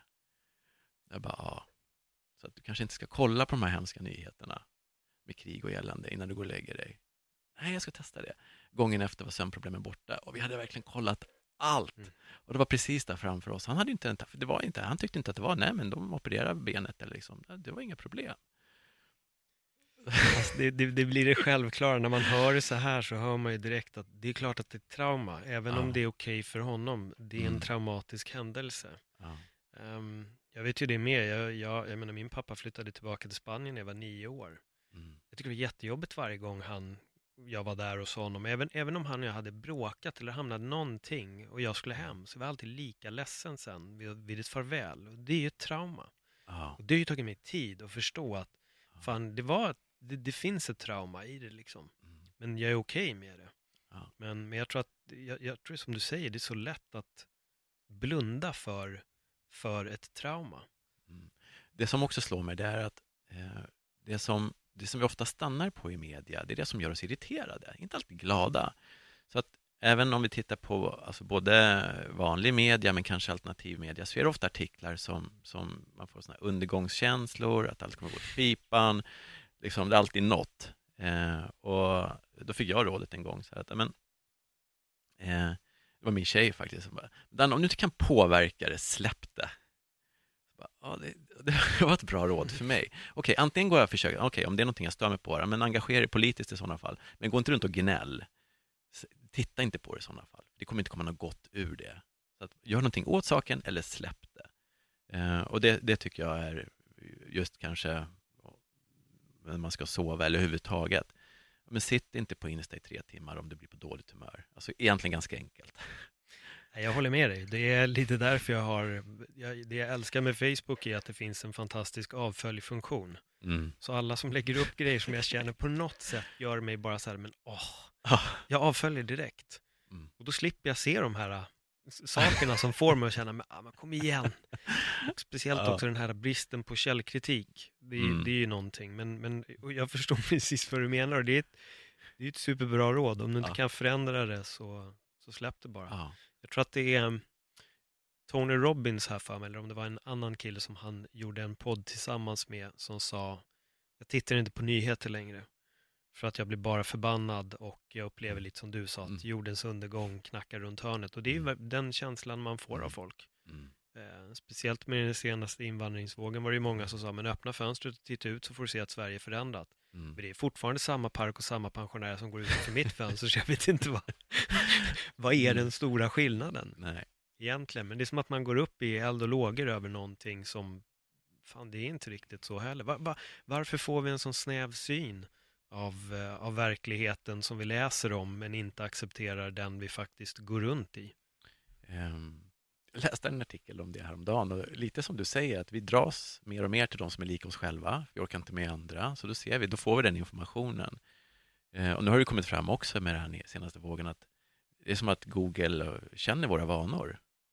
Ibland så, jag skriver in första bokstaven, man har aldrig sökt på det tidigare, så bara kommer det upp så här, typ resmål i det landet. Man tänker, "Hur fan kan ni veta det här? Det är ju läskigt när man tänker på det. Har man ingenting att dölja är det väl ingen fara kanske, men det är ändå lite läskigt. Då, blir, då får vi riktad information av det vi tycker om, får vi mer av. Eh, och det som vi inte tycker om, så, äh, men det, det tittar jag inte på. Och där är våra hjärnor så funtade att vi tar genvägar. För att vi ska överleva, hjärnan måste ta genvägar. Det är för mycket information, så då tar vi genvägar. Och det är där tankefällorna kommer in, som till exempel med jämförelser. Det är en genväg för hjärnan. Så att det gäller att bli iakttagen. Till exempel borde en sån här tankefälla också. Jag borde göra det. Jag måste. Jag ska. Eh, och så glömmer vi det här, vad vill jag? Mm. Eh, Så att vi måste ha koll på hjärnan. Följer vi mer egentligen vad vi borde göra än vad vi vill göra? Kan det vara en grej som leder till att vi kanske inte går, mår så bra? Att istället för att göra det vi faktiskt innerst inne vill, Ja, kanske vi istället söker den här bilden av vad vi bör vara. ja. Det är lätt hänt att kanske att vi gör utifrån vad vi tror att andra vill att vi ska göra. Vår omgivning, eh, vänner, familj, käresta och så vidare. Men sen när man frågar så, ja, men vad, vad vill de? Jag vet inte. Varför, varför tror du att de vill det? För ah, det känns så. Eh, men det är ju också jättesvårt att vända sig inåt. Dock. Men vad vill jag? För då kan jag göra fel och så ställs det krav och, och så hamnar vi igen kanske ett undvikande. Äh, Jag gör det imorgon. Det här kända citatet att eh, inget jag är så bra som mitt morgondagens jag. Eller något liknande. Det här att jag gör det imo- imorgon kommer jag nog ha mycket mer lust att städa. Och, Jag läste en, en, en bok faktiskt, det är en deckare, men den hade ett sånt otroligt bra budskap. Alltså bara en, en, en dialog som dök upp och då är det en maffiaboss som säger, nu kommer jag slakta det här totalt, för det var tio år sedan jag läste boken, men, men det satte sig ändå i huvudet för att jag tycker det stämmer. Han säger, om du inte respekterar mannen idag så kommer mannen imorgon inte att respektera dig. Så det du gör idag kommer du få tillbaka imorgon. Mm. Och då menar han ju då att du ska alltid Mm. ta för dig, du måste direkt börja med de grejerna som du vill åstadkomma. Gör Mm. du inte det så kommer imorgon mannen aldrig att respektera dig. Nej. Och det där satte sig på något sätt. Mm. Från den här maffiaberättelsen så vart det så här, ja men fan det är rätt alltså, jag kan inte sitta Mm. och skjuta för, jag, för det blir den klassiska, eh, ska jag köra yoga imorgon? Ja. Och sen kommer imorgon, men vad, jag kan lika gärna göra det imorgon, Ja. Mm. alltså nu kan jag ju kolla på Instagram här och s- söka den här perfekta bilden som inte kom igår. ja, nej och vi hamnar ju lätt, ehm, jag tränar ju bikramyoga ibland, nu har jag med, mer annan yoga. Eh, och det är ju lätt, man vet, ska in i 40 grader, 90 minuter, min puls är alldeles för hög, vad den borde vara. Det är så obehagligt. Eh, och, och jag vet själv hur lätt det är skippa, ja, men jag tar den här stanga-klassen istället. Eller, åh, gin 90 minuter, man ligger still, rör sig knappt. Åh, ja, men hon är ju så bra den här ginläraren, ja, men det kör vi. Så att, alltså, det, vi alla är lika goda kålsupare. Har du badat isvak någon gång? Nej, snön, men aldrig vak. Ja. För jag började med Wim Hofs andningsövningar och började Ja. bada isvak. Och första gången jag badade så flög jag ur. Jättekallt. Ehm, och jag hatade verkligen kyla. Men sen började med det där och nu kan jag bada isvak i tio minuter. Ifall det skulle krävas det. Men det är ju en form av andningsövningar och sen verkligen ett mindset. Men där är också en grej för att jag var och badade på, jag kommer inte ihåg vad stället, stället hette, men i bastun så pratade jag med ett par. Och då säger då tjejen, säger, men jag skulle verkligen vilja, vilja våga gå ner nu i, i badet. Så de går ut och så, så följer jag med.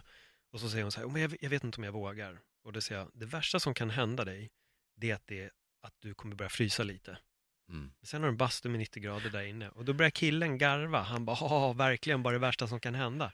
Ja, men det är ju egentligen bara det. Mm. Du går ner, sen går du upp, sen är det varmt. Mm. Det kommer inte hända något mer. Det är inte en haj som är där och väntar och kanske biter av ett ben, utan det värsta är att det blir kallt. Mm. Men jag tror att vi bygger upp de här, äh, och, och, och det kommer bli kallt och då har vi den här storyn som du pratar om och då kommer jag frysa och så kommer det här och så kommer Ja. foten få, vad heter det, snö, det här frostskada och alla möjliga grejer. Istället för att bara, det är kallt och det är okej liksom. Och, och du sa faktiskt en fråga där som används mycket inom just KBT. Vad är det värsta som kan hända? Och att vi tar oss ur det här ska man säga, fantasin om, med, som slutar på T-centralen med burkarna. Mm. Men sen vad är det värsta som händer? Okej, men om jag kommer, ja, man kanske blir lite sur. Okej, ja, och sen då? Det är inget sen då. Nej. Eller hur? Så du, du ställer den frågan, den är jättebra att ställa sig just så här, vad är det värsta som kan hända? Och det kan man självklart inte alltid göra. Eh, om det är någon som har blivit av med någon så är det självklart. Men just i sådana här situationer, superbra. Och jag, och jag tänkte på en till gubbar när vi ändå är inne på det där med lite relationer när det kommer till det här att bygga de förutfattade meningarna, att man kräver mycket saker utav sin, sin partner. Mm. Så uppfylls aldrig de. Är inte det också ett sätt att man kanske kan bli lite deprimerad över sin relation? Mm. Eller? Är det någonting som du har råkat ut för i dina möten? Ja, det kommer jättemycket. Jättemånga just det här relationella. Eh, att, att man inte är i samspel, det du tänker på? Ja, lite. Jag tror, jag tror ibland att man ställer... Alltså jag, jag får känsla av de relationer jag har varit i ibland, så ställs det vissa krav på saker Mm. som man bör uppfylla. Mm. Men man kanske bara inte är en person som gör de sakerna. Och Nej. då blir det väldigt svårt att vilja ha det. Ja. Och så blir man i relationen väldigt blind för vad man inte får.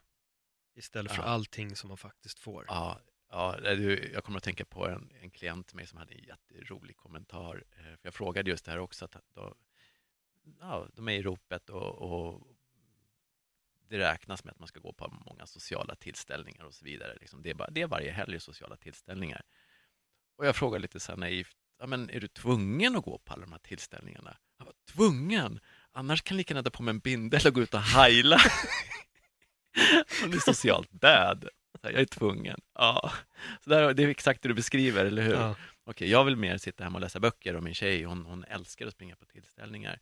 Och det, där, det är intressant för att för vi har ju vissa föreställningar om hur relationer ska vara, hur, Eh, att, kanske man ska, ja, att det följer vissa steg, att man ska bo tillsammans och så vidare. Men man kommer på till slut att vi behöver inte göra som alla andra. Nej. Och, och fan, jag älskar att åka på golfsemester och du gör det. Ja, måste vi åka varje semester tillsammans? Nej, vi kanske kan splitta på oss. Mm. Och släppa det här man borde göra.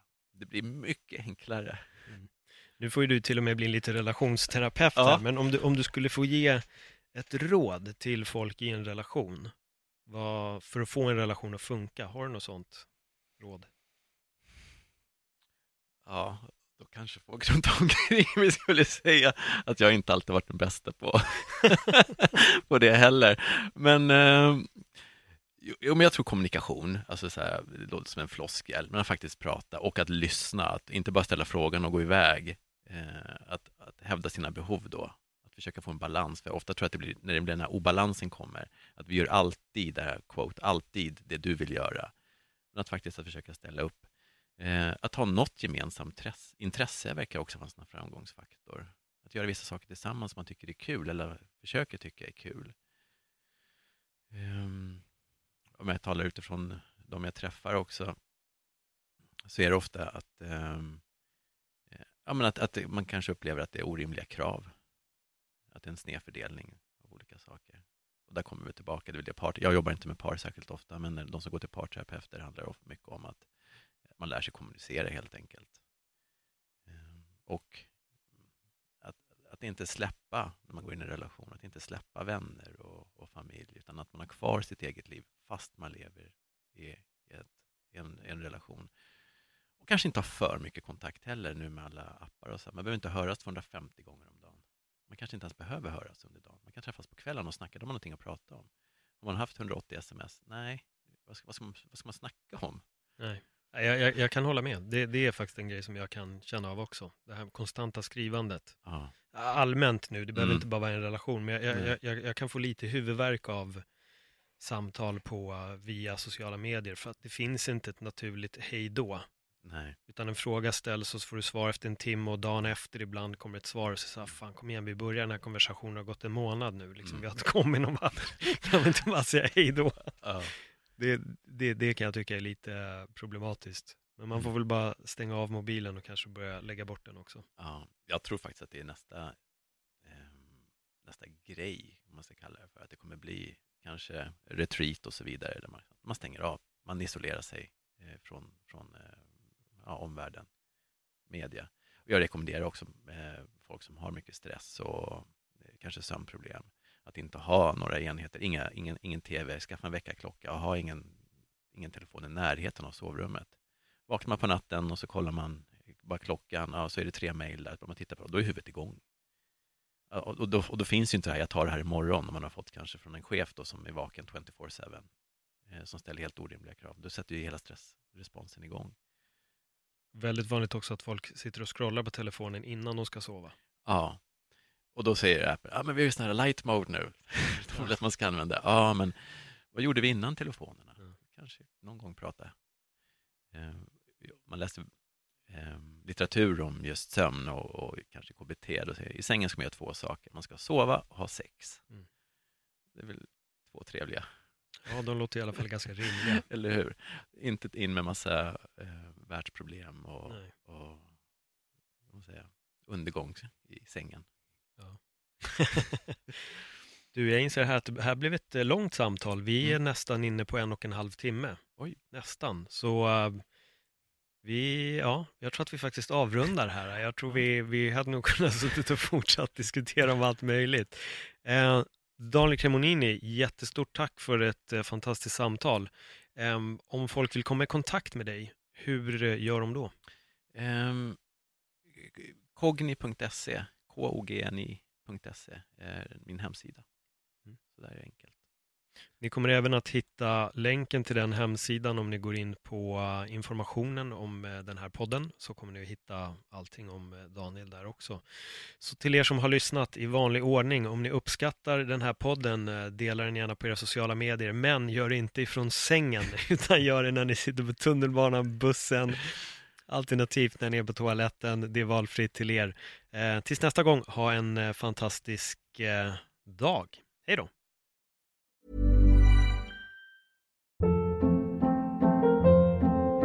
Hold up. What was that? Boring. No flavor. That was as bad as those leftovers you ate all week. Kiki Palmer here, and it's time to say hello to something fresh and guilt-free. Hello Fresh. Jazz up dinner with pecan-crusted chicken or garlic butter shrimp scampi. Now that's music to my mouth. Hello Fresh. Let's get this dinner party started. Discover all the delicious possibilities at hellofresh.com.